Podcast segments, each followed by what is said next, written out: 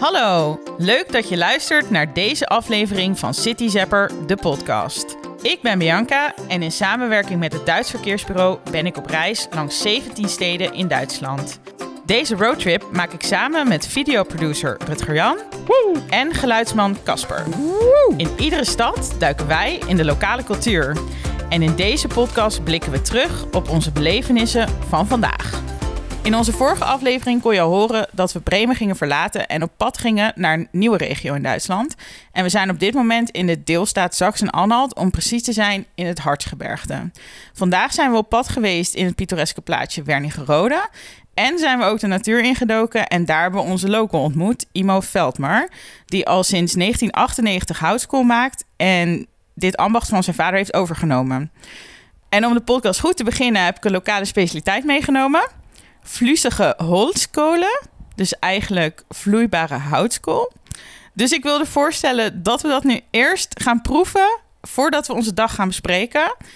En nog één belangrijk detail. Ik heb van Immo geleerd dat je niet proost moet zeggen, maar goed brand. 0,04 liter, 50% alcohol. Het kan alleen maar goed gaan. Goed brand. Goed brand. Goed brand. Dat is best lekker. Het brandt wel Het goed. brandt wel. Maar het is inderdaad wel lekker. Ik Oeh, had ja, als die zakt. Ja, je Zo, voelt hem zo helemaal door je slokdarm zo. zakken. Ja, Ja, door, de naam, is nou wel open. door de naam had ik eigenlijk verwacht dat het, eh, het een gerookte drankje zou hebben, zijn. Dus dat het een beetje een houtskool zou smaken. Maar het brandt vooral. Het is een beetje Jägermeister on steroids. Ja. Toch, het heeft wel Ja. dat smaakje. Dat, wel, eh, de- dat, dat kruidige zit er wel Ja. zeker in. Ah, we kunnen beginnen. Woe! Lekker. Mijn, eh, mijn jas hangt eh, aan het raam, want die stonk als, als naar barbecue. Rook naar barbecue, ja.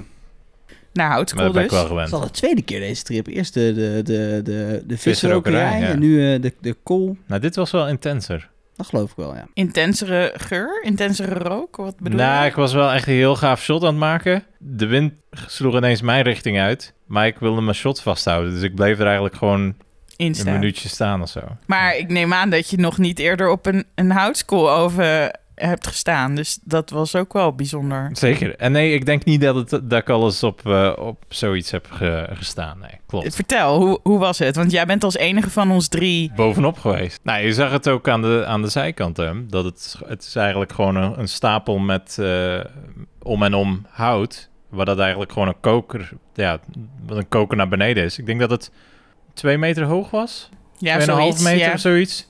Ehm, dus eigenlijk een stapel met dan zand tegenaan, zodat er geen zuurstof, eh, of ja, in ieder geval niet veel zuurstof aan kan. En daar, eh daar gooien ze dan het hout in om vervolgens dan houtskool van te maken. Ja, ja, was wel een. eh, we vroegen hem wat nou precies het proces is om houtskool te maken. Ik vond het heel interessant om te horen, maar het was best wel ingewikkeld. Ja, ik dacht ook van, oh, geef het, hij gaat dat in drie zinnen kunnen vertellen. En het bleef maar duren. Ja, het was echt eh, heel veel stappen, heel veel verschillende handelingen om tot, om tot houtskool te komen. En ja, ik vond het wel tof om te horen, want ik, ik, had, ik had geen idee. Ik bedoel, als je thuis houtskool gebruikt, gebruik je het inderdaad vaak voor de, voor de barbecue. Maar dat, wat, het hele proces wat daaraan vooraf ging, dat had ik eigenlijk nooit bij stilgestaan. Nou, het is echt een ambacht, ja, zeker. hoe dat hij deed. Ja, heel mooi. Met een museum erbij. Een, eh, een shop, waar dat, dat eh, drankje ook eh, te halen is. En een heel mooi restaurant in de vorm van een... eh, je had er een mooi woord voor. Het komt een beetje op een grote houten jurk te lijken. Ja. Nou, het is Oh, een ja. beetje... De van de in nomaden. ja, de verse setting van, van hoe dat ja, hun die bergen maken, Oh, oké, ja, ja, ja. denk ik toch? Ja, dat leek het inderdaad ook op. Leek inderdaad Het ook op de, de, vorm de- van een houtskooloven Ja. wel. Ja. Ja. Nee, hele, hele mooie, unieke plek. Het is gewoon een, sowieso een hele idyllische plek. Zo midden, midden in het woud heb je dan even een, een plek waar het vol staat met, met grote stukken hout die al klaar liggen voor, voor- om de ovens in te gaan. Ik had eigenlijk van tevoren verwacht dat het erg groot ging zijn, maar ik vond het heel erg, ja, idyllisch, klein.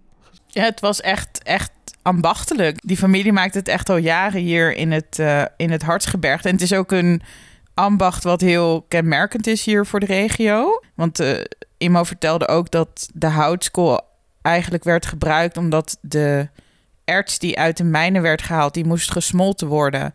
daarvoor was 1200 graden nodig. En die temperatuur kon je alleen bereiken met houtskool. Dus ja, het is echt samen met de ertsmijnen hier in de regio wel een ambacht wat echt bij het Hartsgebergte hoort. Dus ja, als je iets wil meekrijgen van de lokale cultuur in het Hartsgebergte, is dit wel een must-go. Als ik het zo mag omschrijven. Nee, dat mag, dat mag je zeker. Ja, het zijn dit soort plekjes die natuurlijk soms meer voor, voor zich spreken dan een, een stad. Dus je, je- als je een stad bezoekt, is het altijd leuk om te zoeken wat zit er nog rond en, en wat zijn de natuurgebieden en wat zijn de activiteiten in die natuurgebieden. Zeker. En zeker bij Wernigerode is het eh, denk ik ook de natuur in combinatie met de stad waarom je hierheen gaat. Want ja, we begonnen de dag eigenlijk in, in Wernigerode voordat we de natuur ingingen. Daar zijn we op pad geweest met een gids, eh, Christiane. En die heeft ons eigenlijk alles verteld over, eh over Wernigerode. En het is echt een super pittoresk plaatsje.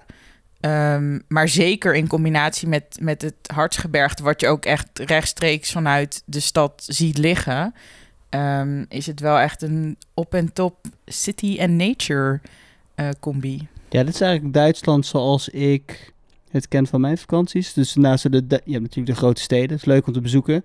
Maar als, als je echt eh, dingen wilt zien die je in Nederland of in andere landen niet echt kan zien, dan vind ik dat dit soort regio's het meest boeiend zijn. Dus de, echt, de, hele stad was volledig van A tot Z eh, traditionele gebouwen. Ehm, en, en, en, en kinderkopjes en een fantastisch mooi plein. En dan in de verte zie je, zie je bergen. Ja, dat, dat, dan voel ik me gelijk op vakantie. Ja, zeker. Direct een vakantiegevoel.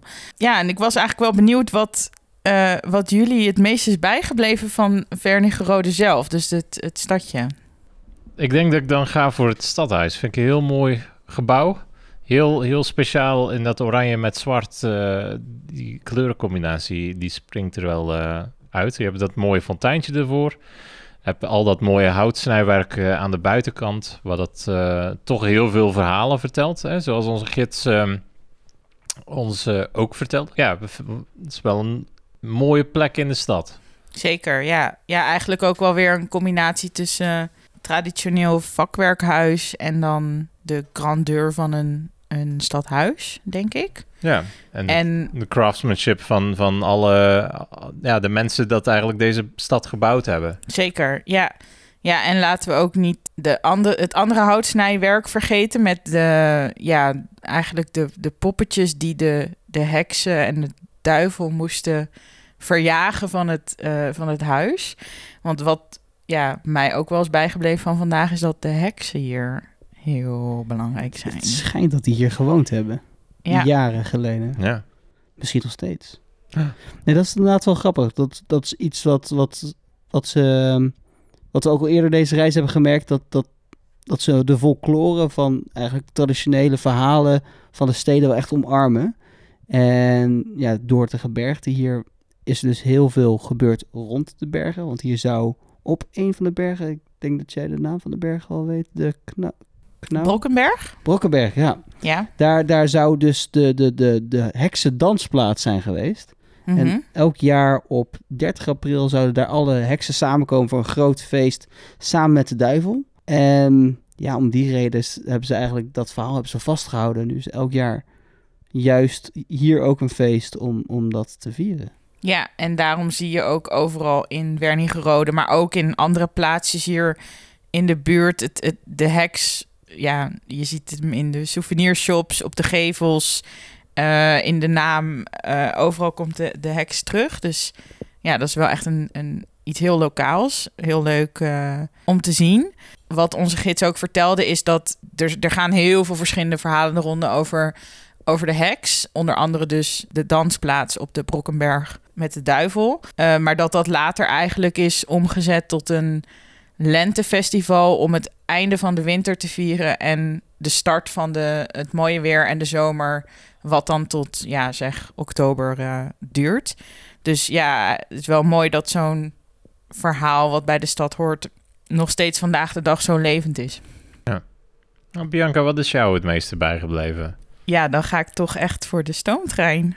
ja. Eh, Ja, dat snap ik wel. Ja, ik ben hier eh, vroeger als klein meisje uh, samen met mijn vader geweest. En mijn vader is heel groot stoomtreinfan. En nou, we hadden nu ook uh, instructies gekregen om precies om half elf op een bepaalde hoek aan de rand van uh, Wernigerode te gaan staan. Omdat daar de stoomtrein, de dampzoek.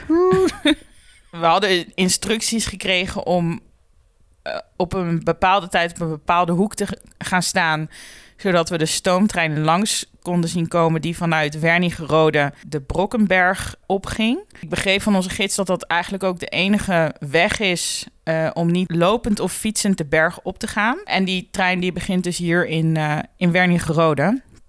En nou, we stonden daar te wachten en we stonden er helemaal klaar voor, want we hadden natuurlijk maar één kans om die trein uh, op beeld vast te leggen.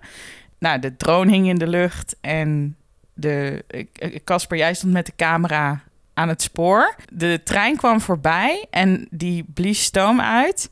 En ik rook dat en ik was gewoon twintig jaar terug in de tijd. Alsof ik gewoon met mijn vader daar weer stond. En ja, die geur is voor mij zo kenmerkend... omdat ik vroeger als klein meisje zo vaak met mijn vader in een stoomtrein heb gezeten. Niet specifiek deze, maar wel heel veel andere. Dus dat was voor mij wel echt Even echt teruggaan. Het, ja, even jeugdsentiment uh, midden in Wernigerode. Dus dat is mijn hoogtepunt. Casper, kan je dit overtreffen? Nou, overtreffen zal ik niet, maar dat is natuurlijk jouw persoonlijke hoogtepunt. Zeker. Nee, wat mij dan vooral is bijgebleven is dat eigenlijk, wat ik net al zei, dat de, deze stad zo, zo traditioneel is gebleven qua architectuur. En dat op die manier uh, het hele stad wel een beetje aanvoelt als een soort van openluchtmuseum. Dat, dat zei ook onze gids wel even, dat ze nog wel eens, ja, onterecht vind ik, maar klachten krijgt van, van mensen die dan uh, een rondleiding krijgen van, oh, wat staan hier veel auto's en, en... Maar dat is logisch, want het is gewoon, je wonen mensen. Dus het is allemaal super mooi, maar je wonen gewoon echt mensen. En het is, het, is, het is niet een attractiepark. Waar je ook staat, je hebt altijd zicht op de bergen. En dan staat er een gigantisch slot op die bergen. Dus, ja, laten we dat slot niet vergeten. Ja, het, het voelt gewoon aan als een hele grote ja, openluchtmuseum van A tot Z, gewoon overal. En dat, dat vind ik dan wel heel tof. Ja, zeker eens. En laten we inderdaad het slot niet vergeten. Nee, een gigantisch groot kasteel op, op een berg naast je, naast je stad. Dat af en toe er is door, af en toe kun je het vanuit de stad zien op de juiste plekken. Ja, en wat ik ook heel leuk vond, is dat het slot vanuit ieder perspectief net anders eruit zag of een andere vibe meegaf. Waar het uit de ene hoek echt een sprookjeskasteel leek, was het vanuit de andere hoek meer een, een fort of meer een verdedigingswerk. En dat vond ik wel, uh, wel heel tof om te zien. Maar het is echt een, een het is sprookjesachtig, denk ik. Dat dat Zeker. een samenvattend woord is voor Wernigerode. Ik denk dat het wel een uh, mooie video gaat worden. Ja, want we hebben natuurlijk zowel het interview als onze avonturen op beeld vastgelegd. En die video is nu ook te bekijken via ons YouTube-kanaal en cityzapper.com. De link vind je in de beschrijving van deze aflevering. En in onze City Guide vind je nog meer tips om de German Local Flair Crafts Green and Taste in Wernigerode te gaan ontdekken. Leuk dat je weer meeluisterde naar de podcast van vandaag. Morgen gaan we nog meer van de regio ontdekken. We gaan weer de natuur in. En we ontdekken het stadje Halberstad. En de local die we gaan ontmoeten, Mike Berken, gaat ervoor zorgen dat onze adrenaline een flinke boost krijgt. Dus ik ben heel benieuwd. We hopen dat je morgen ook weer meeluistert met onze German Local Culture avonturen. En voor nu, danke und bis morgen. Tschüss.